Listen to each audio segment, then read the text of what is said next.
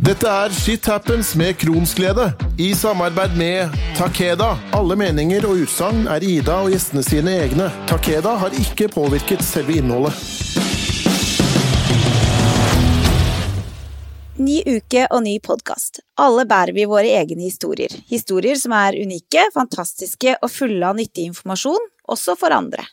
Likevel er det å dele historien om sykdom og nederlag noe få gjør. Selv om historien ender i en ny normal, en ny hverdag og en hverdagslykke personen som bærer historien kan være stolt av, så ties disse historiene om. Suksesshistorie derimot, om bra utdannelser, jobb og familieliv, huskjøp, giftermål og barn, ja, de deler vi lett. Men hva kan gi mest inspirasjon for andre? Å høre at mennesker takler det vanlige livet, eller å høre noen kjempe seg gjennom en livskrise og likevel klare å finne en glede, livsmestring og stolthet i det. Jeg tror vi må ha plass til alle historiene, og derfor tar jeg imot gjester som ønsker å dele sine egne personlige historier en gang iblant. Historier jeg mener vi bør stoppe opp og lytte ekstra godt til. Med meg i dag så har jeg Camilla Foss Hansen, som deler litt av sin historie med oss. Velkommen, Camilla. Hei, hei. Du, kan ikke du, før vi liksom starter uh, moroa, uh, introdusere deg litt sjøl? Jo, jeg heter jo da Camilla. Jeg er 34 år og bor på Grünerløkka i Oslo. Og der i Oslo jobber jeg som konsulent og prosjektleder. Og så driver jeg med litt seiling og kiting og band på fritida. Høres ut som du har et aktivt liv. Ja. Ganske ja. aktivt. Som jeg sa litt i starten, da, så er jeg opptatt av å dele disse personlige historiene, fordi jeg vet at det kan gi mye støtte og inspirasjon, og ikke minst svar til andre der ute. Eh, men hvorfor hadde du lyst til å dele historien din med meg?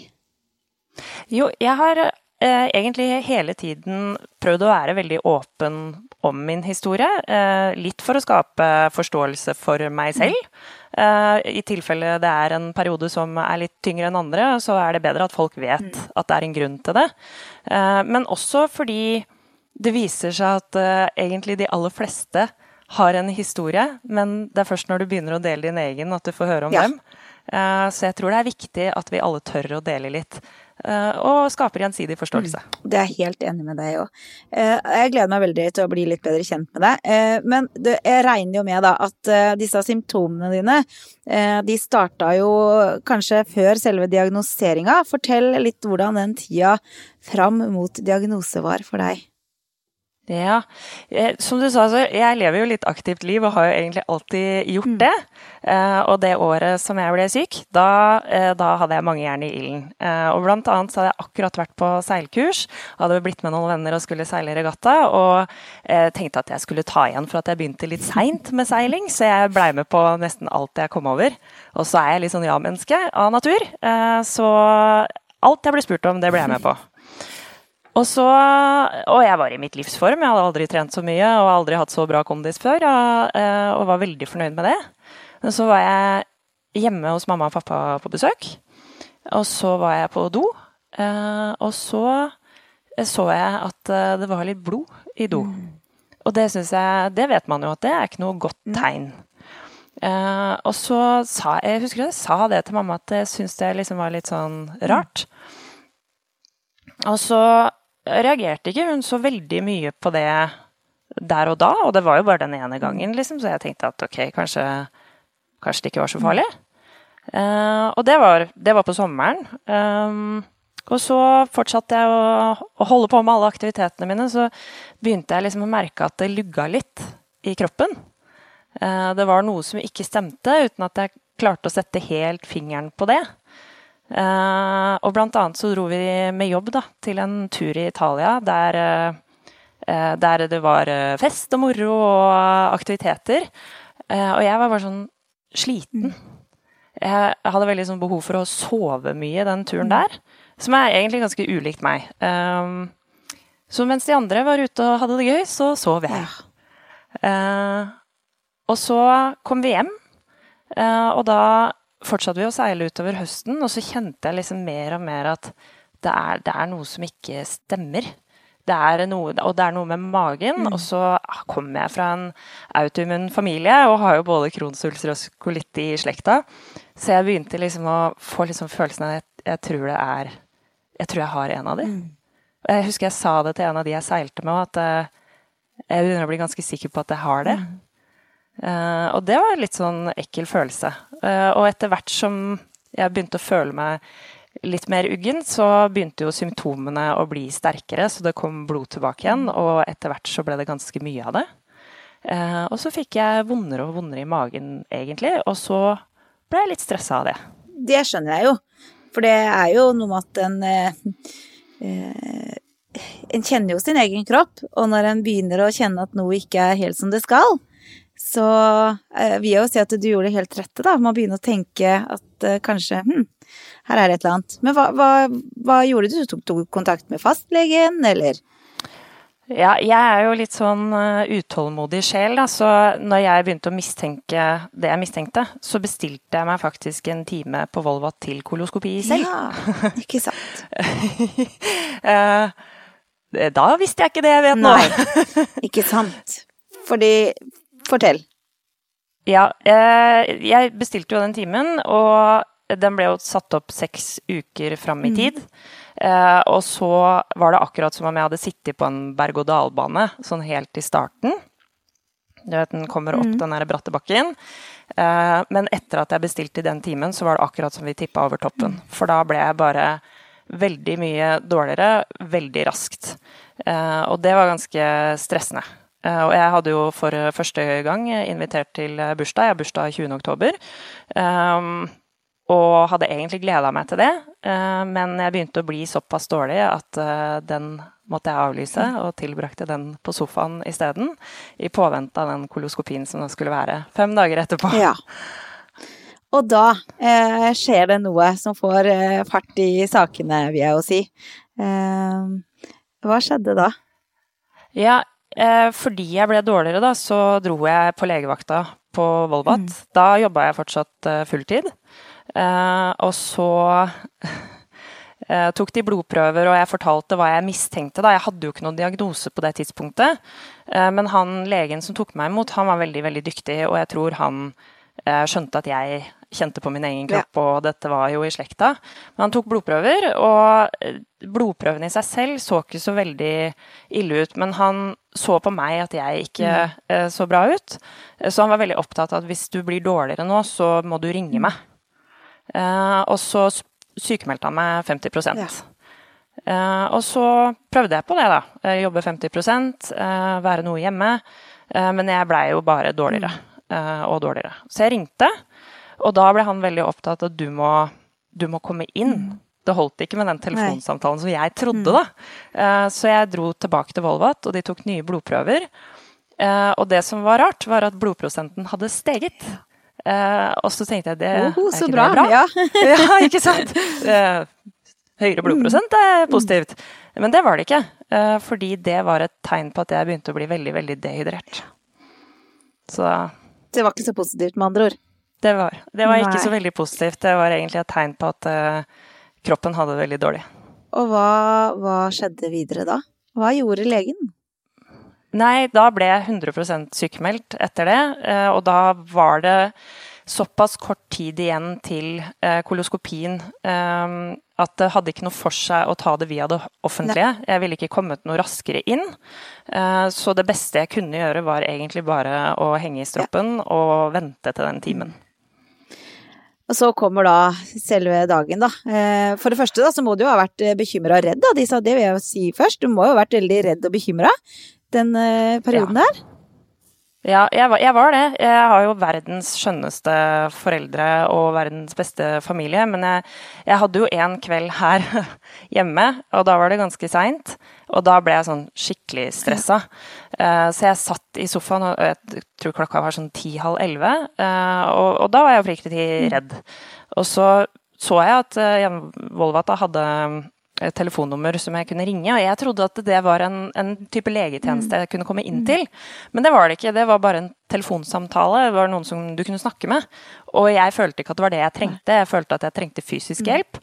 Og så ble jeg så stressa i den telefonsamtalen at jeg eh, begynte å blø neseblod. Eh, og jeg begynte å blø skikkelig neseblod. Ja. Eh, og jeg hadde akkurat fått ny sofa, så det gikk jo utover hele den sofaen. Uh, og det så ut som det hadde vært en massaker uh, på badet. Ja. Men ja, så det, det, er kanskje det laveste punktet ja. jeg var på før diagnosen ble satt. Ja, for det, greia da var jo at du holdt ut eh, fram til ja. dagen med koloskopering. Eh, fortell litt om, om, den dagen der, da. Ja, Eh, jeg hadde med mamma. Uh, og det var jeg veldig glad for. Jeg hadde jo aldri vært til koloskopi før. og jeg uh, hadde snakket med venninner som har gjort det før, og de hadde liksom Nei, det går så fint, og det er litt ubehagelig, men det, det får du til. Uh, og så tenkte jeg ja, ok, hvis de sier det, så gjør jeg sikkert det. og så kommer jeg inn dit, blir tatt med inn på rommet, og så begynner de å koloskopere, og så ser de jo at De ser ganske raskt at det ser ut som ulcerøs kolitt. Eh, og det er ekstremt betent. Det er Uh, ja, uh, en grå analogi, men det, det, du kunne like gjerne kjørt et kamera gjennom kjøttet. Det, det, så ikke så veldig bra ut. Og, og, det var også så vondt. Jeg hadde jo kjørt bil for sikkerhets skyld til den undersøkelsen, så jeg kunne jo ikke ta smertestillende eller beroligende. Så jeg ville at de skulle stoppe undersøkelsen. Men da sa han legen at det er veldig smart å gjennomføre hele undersøkelsen nå, så vi ser hvor langt den betennelsen går. Eh, for da slipper du forhåpentligvis eh, å gjøre det igjen med det første. Så jeg beit tenna sammen, eh, og fantastisk fin lege og sykepleier som var der. Men jeg beit alt jeg hadde i meg, og jeg laga noen lyder som jeg aldri har hørt meg selv lage før. Mamma forlot venterommet, fordi så høyt hylte jeg. Og så fikk de gjennomført hele undersøkelsen, og det var eh, total kolitt. Hele fra start til slutt. Og da blei diagnosen satt der og da, eller? Ja. ja. diagnosen ble satt der og da på Volvat. Mm. Eh, etter undersøkelsen eh, så satt jeg noen minutter på, på venterommet. Eh, og så ble jeg kalt inn til eh, legen, eh, og så sa han at det her er ikke noe som vi kan hjelpe deg med, for du trenger sykehusinnleggelse. Du kan velge å dra på sykehuset nå i kveld, eller du kan møte opp i morgen tidlig, men du må inn. Det sier jo litt om alvorlighetsgraden i dette her. Det var på en måte ikke noe eh, vi, ser, vi, sender deg til en time på en poliklinikk, liksom. Her, eh, her trengte du umiddelbart hjelp. Mm. Ja. Så den berg-og-dal-bane-følelsen var nok høyst reell. Ja, det vil jeg jo si. Eh, og så eh, fikk du det her valget, da. Hva valgte du? Jeg valgte å dra rett til sykehuset den kvelden. Um, jeg, for meg så var det bare et ekstra stressmoment å dra hjem. Uh, så vi kjørte bilen hjem, og så tok vi en taxi opp til sykehuset og ble, ble lagt inn samme kveld. Hvor mye info fikk du egentlig? Altså, følte du deg godt uh, ivaretatt i forhold til informasjonsbiten? Ja, ja, jeg følte mm. det. Uh, jeg var jo Jeg kjente jo til både Crohns ulcerøs kolitt fra ja. før, så jeg vet ikke om det på en måte er medvirkende faktor til at jeg følte meg opplyst, men uh, han legen på Volvat var uh, veldig dyktig til å forklare det. Så, um, så jeg, jeg, skjønte hva, hva det var, ja. og at det går an å få behandling. Mm. Det er kjempe, kjempeviktig. En, for, for det, det, er jo disse her tankene. Alt man ikke vet, er jo så skummelt. Ja, kjempeskummelt. Mm. Men jeg har lyst til at du skal fortelle meg litt om opplevelsene dine med å være innlagt på flermannsrom, da som uh, ung 26-åring, uh, eh, med en da sykdom hvor du flyr på do, uh, hvor tida absolutt er ganske knapp, da. I tillegg så var det vel ikke akkurat mange doer å velge mellom heller? Nei, eh, jeg har jo fått eh, gleden av å dele flermannsrom med mange forskjellige mennesker i løpet av den tida der. Det er jo noen som har utmerka seg mer enn andre. Ehm, det er en utfordring når du har eh, ulcerøs kolitt, og særlig kanskje når det er totalkolitt. Da. For du klarer ikke å holde igjen. Hvis du først må løpe, så må du løpe. Mm. Og når du da ligger på et rom og deler toalett med andre mennesker, som sikkert også har et behov ja. for å bruke det, ja.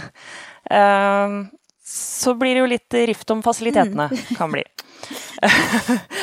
så eh, den ene gangen så ble jeg flytta inn eh, på et dobbeltrom med, med, en dame som Hun hadde fire døtre. Eh, og rommene er jo ikke så brede. og jeg ble lagt innerst mot vinduet, så jeg måtte forbi dem da, eh, for å komme meg på toalettet. Eh, og jeg skjønner veldig godt at hun ville ha besøk av døtrene sine. Jeg unner jo alle å ha noen å snakke med når de er på sykehus. Men for meg så var det veldig vanskelig, for de satt rundt senga mm. hennes.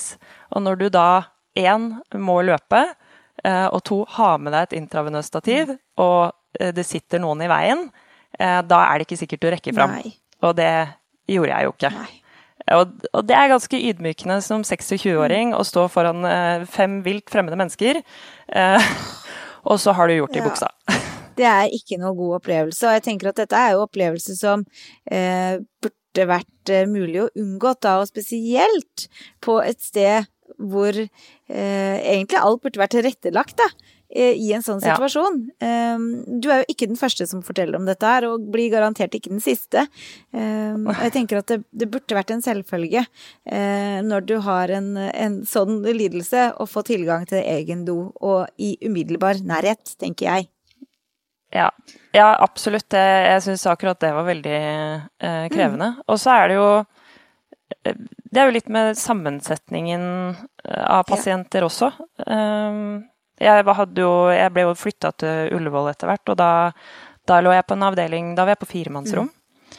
Eh, og, og, der måtte du ut i gangen, og så måtte du gå et ganske langt stykke. Men det var bare ett toalett fordelt på flere rom. Så kan du tenke deg, Det er firemannsrom, og det er flere firemannsrom, og de har ett toalett. Så, og hva er um, oddsen, da? For at du liksom Ja, ikke sant? Eh, ja, og det er jo ikke sånn at du bare kan eh, stå i gangen og knipe og vente og håpe på at det skal eh, holde til folk er ferdig.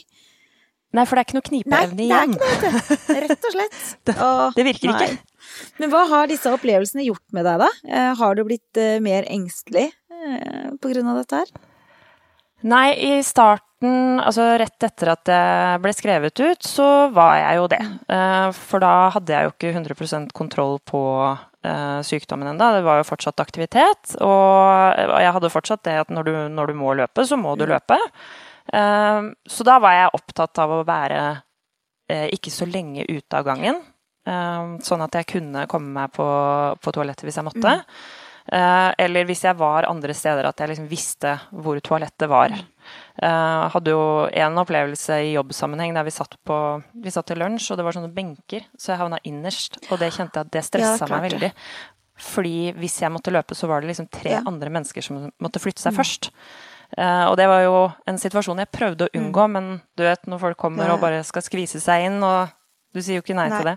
Men da, og så skjedde jo det, da, at jeg måtte mm. løpe. Mm. Og da sa han ene nei, nå skal vi holde deg igjen, he-he. For han visste jo ikke nei. hva jeg sleit med. Uh, og da ble jo jeg kjempesint. Mm. Fordi jeg var stressa. Mm. Så tidligere så ble jeg stressa av det, men nå, nå, har jeg jo ganske god kontroll på det i dag. Ja. Eh, så da er jeg mye roligere på det. Oh, ja, jeg, blir helt uff, jeg kjenner følelsen så innmari godt på kroppen.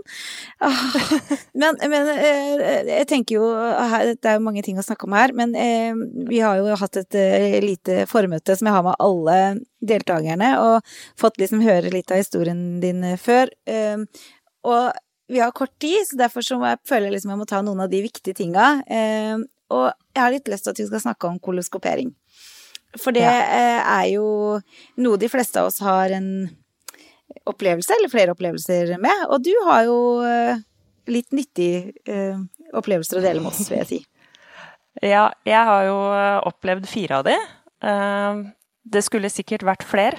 Jeg kan, jeg, jeg kan, snakke veldig fint om mm. koloskopi når jeg snakker med likesinnede eller folk som ikke er leger, mm. men med en gang en lege tar opp temaet koloskopi, mm. da begynner jeg å hylgrine. Ja. Det er jo eh, kanskje ikke så rart at den første opplevelsen eh, satte litt spor, eh, fordi det var ikke noe bedøvelse involvert, og det var totalkolitt, og det var veldig, veldig betent og hovent.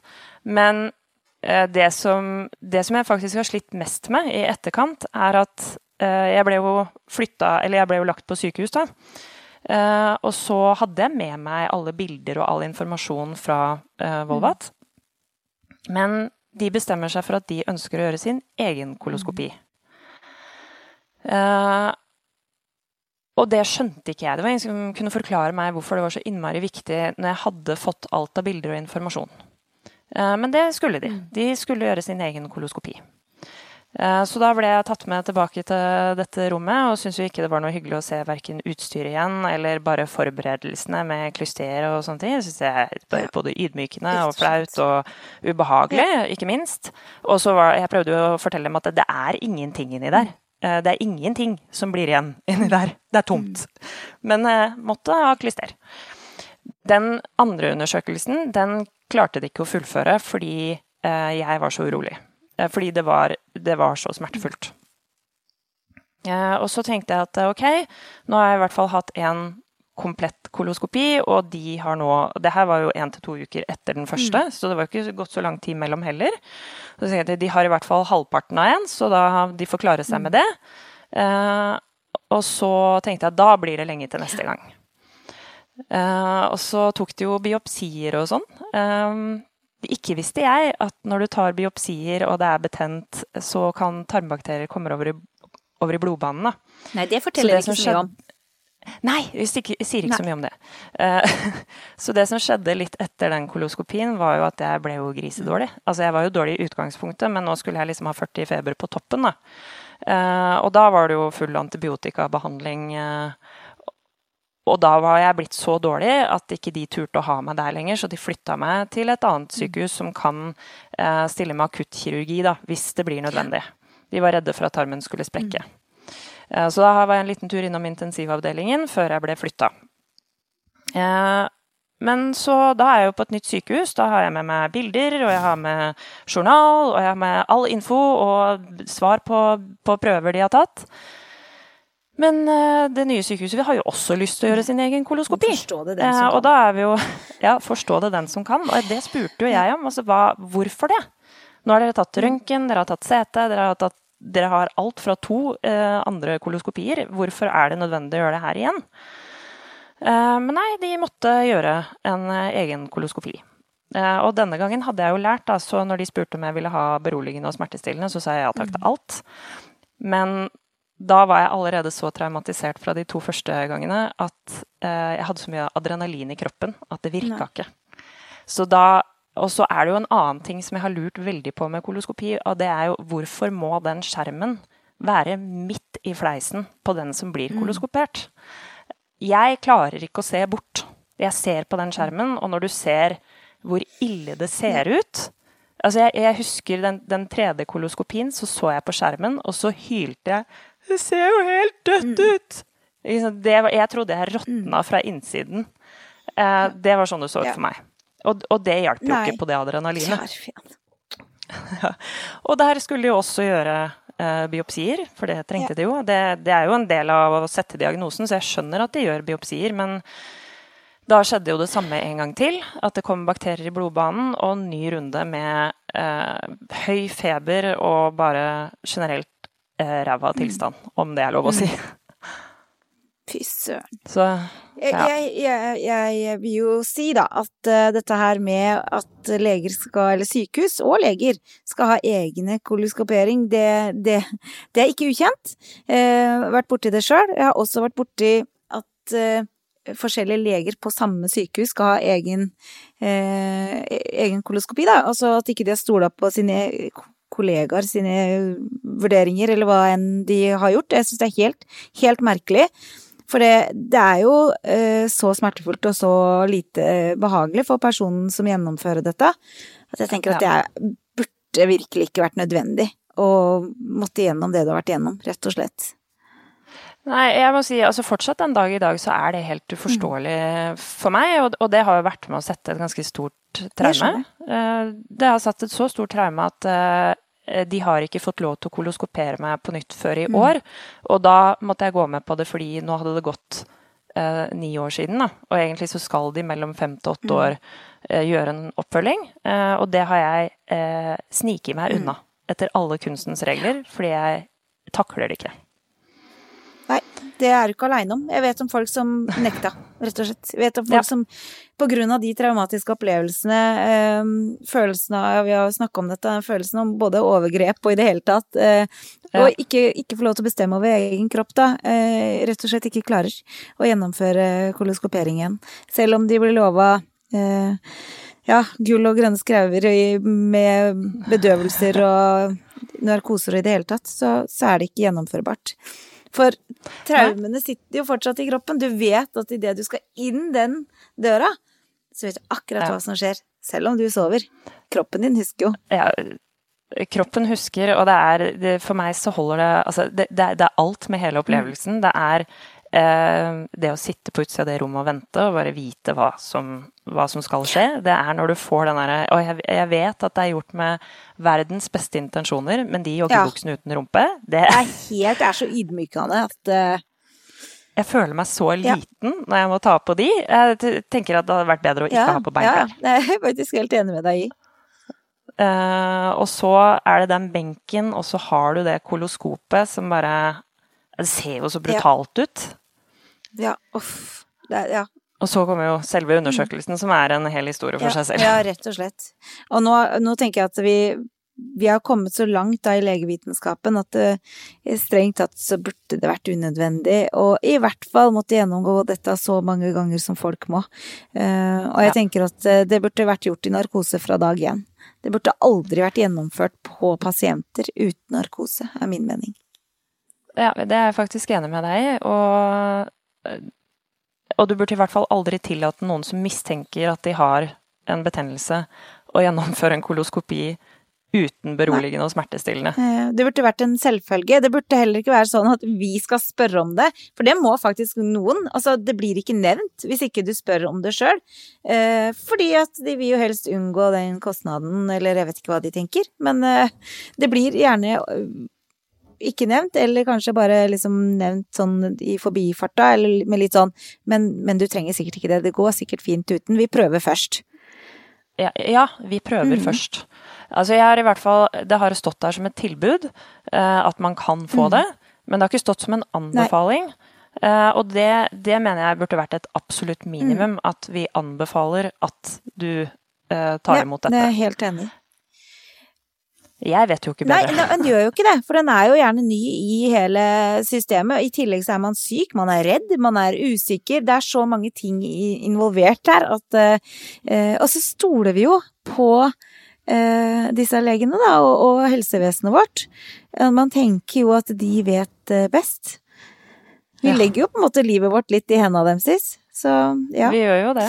Men eh, fikk du og Da var du jo voksen, men allikevel så spør jeg. Eh, fikk du og pårørende dine god informasjon om sykdommen og hva det innebar? Når du da hadde fått diagnosen, eh, fikk dere på en måte eh, Ja, snakka de noe med dere om det?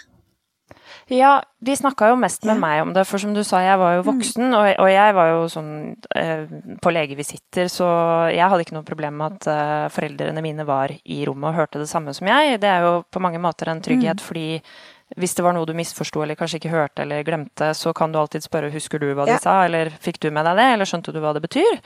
Um, så, men absolutt så var det jo jeg som fikk mest informasjon. Jeg tror jo jeg, uh, sånn rent psykisk så tror jeg jeg hadde det bedre mm. enn en mamma hadde mm. det. Jeg tror det var ekstremt uh, tungt for spesielt mamma. Jeg tror nok begge syntes det var uh, vanskelig. Men jeg kjente jo hvordan jeg hadde det med ja. min kropp. Jeg kjente at jeg kommer ikke til å mm. dø. Ikke ennå, i hvert fall. Men det tror jeg er vanskelig for den som er pårørende og sitter på utsiden. Så selv om jeg er voksen, så, så tenker jeg at de kunne kanskje også uh, fått mer informasjon direkte mm. selv, uh, sånn at de også var litt mer ivaretatt. Ja. Uh, for meg personlig, jeg fikk jo veldig tett oppfølging både på sykehuset og etterpå. Da jeg var skrevet ut. Og, og, jeg hadde jo en helt fantastisk lege som var veldig opptatt av å lære opp pasienten i egen mm. sykdom. Og det er jeg så utrolig glad for. Ja, det skjønner jeg. Han var veldig opptatt av at pasienten skal settes i stand til å kunne være med å ta Eh, beslutninger om egen mm. behandling. Mm. Og det tror jeg at jeg personlig har vært veldig tjent mm. med. Uh, og at det er en medvirkende årsak til at jeg har relativt god kontroll mm. i dag, da. Ja, for nå er det jo faktisk ti år siden du ble diagnosert. Nei, det er det jo ikke. Det er åtte år siden. Hvor mange år siden er det? Hjelp meg. Ni år siden. Ja, det var ikke så langt. Nå, midt imellom. Ja. Hvordan, hvordan har du det i dag? I dag har jeg det veldig, veldig bra. Ehm, jeg strula litt en periode med Jeg går jo på to medisiner daglig, og så har jeg en tredje som jeg kan bruke eh, hvis det er et oppbluss. Mm. Ehm, og, og, den tredje den har, Det har vært forskjellige varianter, da, eh, som er lokalbehandling. Men de første rundene jeg hadde, de funka ikke. Jeg fikk bivirkninger, mm. eller det hadde ikke noen effekt. Men Eh, så fikk jeg tak på en tredje medisin som er veldig effektiv for meg personlig. Eh, så de, gangene, de få gangene jeg har hatt et oppbluss da, etter at jeg fikk tak på den, så har jeg hatt muligheten til å slå det ganske hardt mm. tilbake veldig raskt. Eh, og også fordi jeg har fått opplæring av, god opplæring av legene, så, så, er jeg i stand til å håndtere veldig mye selv. Mm. Det gir jo meg veldig stor frihet og fleksibilitet og kontroll over eget mm. liv. Og det opplever jeg også gjør meg i veldig god stand til å eh, kunne være i fulltidsjobb, kunne gjøre alle aktiviteter jeg har lyst til. Jeg seiler regatta en gang i uka om sommeren. Jeg er ute og kiter. Jeg spiller i band en gang i uka. Så jeg lever i dag et veldig eh, aktivt eh, liv. Ja, det er jo litt sånn uh, musikk i, i, ørene mine, det du sier. Uh, men hvilke hensyn tar du til sykdommen, da, sånn i det hverdagslige? Uh, ja, det er veldig mange som spør om jeg må gjøre noe med kosthold. Mm. Uh, og uh, det er litt sånn både ja og nei. Um, jeg har ikke endra hva jeg spiser, egentlig. Um, jeg skal holde meg litt unna juice fordi jeg er veldig surt. det er mest i oppblussperioder, men så tåler jeg ikke juice sånn veldig godt i utgangspunktet. Jeg er jo litt sånn autoimmun, mm. altså jeg får eksem og sånn. så det, det prøver jeg å begrense. Men bortsett fra det, så spiser jeg alt jeg gjorde før. Eh, det som jeg kanskje har blitt veldig bevisst på sånn kostholdsmessig, er å passe på at jeg får alle de riktige vitaminene og mm. mineralene, at det får i meg omega-3. Eh, fordi det viste seg jo etterpå at jeg hadde vært i veldig ubalanse der. Så jeg tenker eh, at Eh, hvis man er litt autoimmun, da gå, gå, til legen og få sjekka verdien mm. og liksom passe på at det er på stell. Ja. Fordi det setter kroppen din i så innmari godt, eller godt i stand, eller den setter den i bedre stand da, til å håndtere det som mm. kommer. Så det er en ting som jeg har blitt mye mer bevisst på etterpå. Eh, den andre tingen er jo Jeg sa jo at jeg er et veldig sånn ja-menneske, og at jeg har eh, liksom mange jern i ilden. Jeg har blitt mye flinkere til å balansere det, kanskje spesielt etter oppblussfaser. Mm. Og så jo lengre det går fra et oppbluss, jo dårligere blir jeg til å sette grenser for meg selv. Så nå har jeg akkurat tatt en periode der jeg liksom har reflektert at nå må jeg faktisk dra litt i brekket mm. for meg selv, og ikke kjøre så hardt tempo. Fordi jeg blir sliten, da. Uh, så det er kanskje den det, uh, Kosthold er viktig, men den aller viktigste for meg er å passe på å legge inn pauser. At ikke jeg kjører meg selv for mm. hardt. Uh, for da blir jeg litt uh, Jeg blir veldig sliten, men jeg tror også at jeg svekker kroppens motstandsevne. Da. Eh, ja. Så jeg tror de to tingene er de aller viktigste. Ja, ikke sant.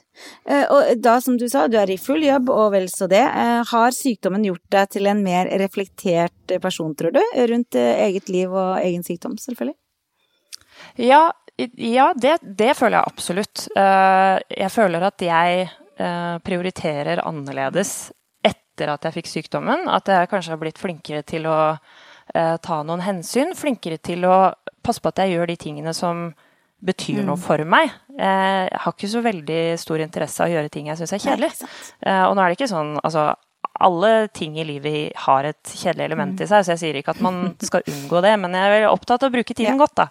Og, og, noe som jeg også får noe igjen av. Eh, men jeg har nok blitt enda mer reflektert på menneskene rundt meg. Eh, det at jeg har en sykdom, det er liksom min greie, men du vet aldri hva de rundt deg går igjennom. Så det har kanskje gjort at jeg er opptatt av å vise mer forståelse, mm. større fleksibilitet eh, til de rundt meg. Og det er både jobb og privat. Og jeg ser jo at folk som blir sett og, og som blir tatt på alvor, de trives bedre, da. Ja, eh, nå skal vi jo snart eh, runde av, men før, eh, før, vi gjør det, da, så har jeg sånn siste spørsmål. Spørsmålet jeg spør absolutt alle gjestene om. Om du kunne gitt et tips eh, til de der ute som kanskje enten er nydiagnosert eller er diagnosert, det spiller ikke noen rolle egentlig. Hva ville det tipset vært? Jeg tror Særlig hvis man er eh, nydiagnostisert eller på vei til å bli, eller kanskje man har en historie der man ikke har fått liksom, ting helt til, Eh, pass på at du får deg en lege som du kan snakke med, og som du kan rådføre deg med, og som kan være med og prøve ut ting eh, for å se om det eh, får deg på riktig spor tidlig. Set, gjør litt det, det, legene gjorde med meg. Lær, bli ekspert på din kropp og din sykdom, sånn at du kan være med å ta de riktige beslutningene. Sånn at du kan kjenne igjen eh, når du må bremse, når du må gasse på. Eh, ikke, ikke, vær redd for å stille de spørsmåla. Og i hvert fall hvis du, hvis du, er ukomfortabel med svaret du får, eller føler at du ikke ble tatt på alvor, så da spør igjen. Aldri gi deg. Det er, det er trist å si det, men når vi er på det svakeste, er da vi må være på det mest ressurssterke. Og aldri gi deg. Um, for det jeg tror, du, jeg tror du kan finne gode løsninger, da. Åh, det er veldig sant. Og det er jo din kropp, og det er, de, det er jo du som skal leve i den. Så vi må aldri godta noe vi ikke kan eh, stå inne for sjøl, da. Eh, Enig. Jeg er jo utrolig fascinert og takknemlig og ydmyk over at du hadde lyst da, å dele historien din eh, med meg, og ikke minst Shit Happens-gjengen. Det er jo viktig å huske på da, at dette her er jo ingen fasit eller en mal. Dette her er Camillas egen historie, hennes unike reise. Vi takler ting veldig forskjellig, og det finnes jo ingen rett eller galt her. Men vær stolt av historien din. Det du har opplevd, er jo årsaken til at du er den du er i dag. Vi formes av opplevelser, motgang og medgang som vi møter på vår vei. Tusen hjertelig takk for åpenheten din, Camilla. Tusen takk for at jeg fikk være med. Til vi høres igjen. Vi er selv ansvarlig for eget liv og egen lykke. Ikke la sykdom sette en stopper for deg og ditt liv. La utfordringene du møter på din vei, bli din inspirasjon for å mestre på trosset. Shit happens med Kronsglede i samarbeid med Takeda.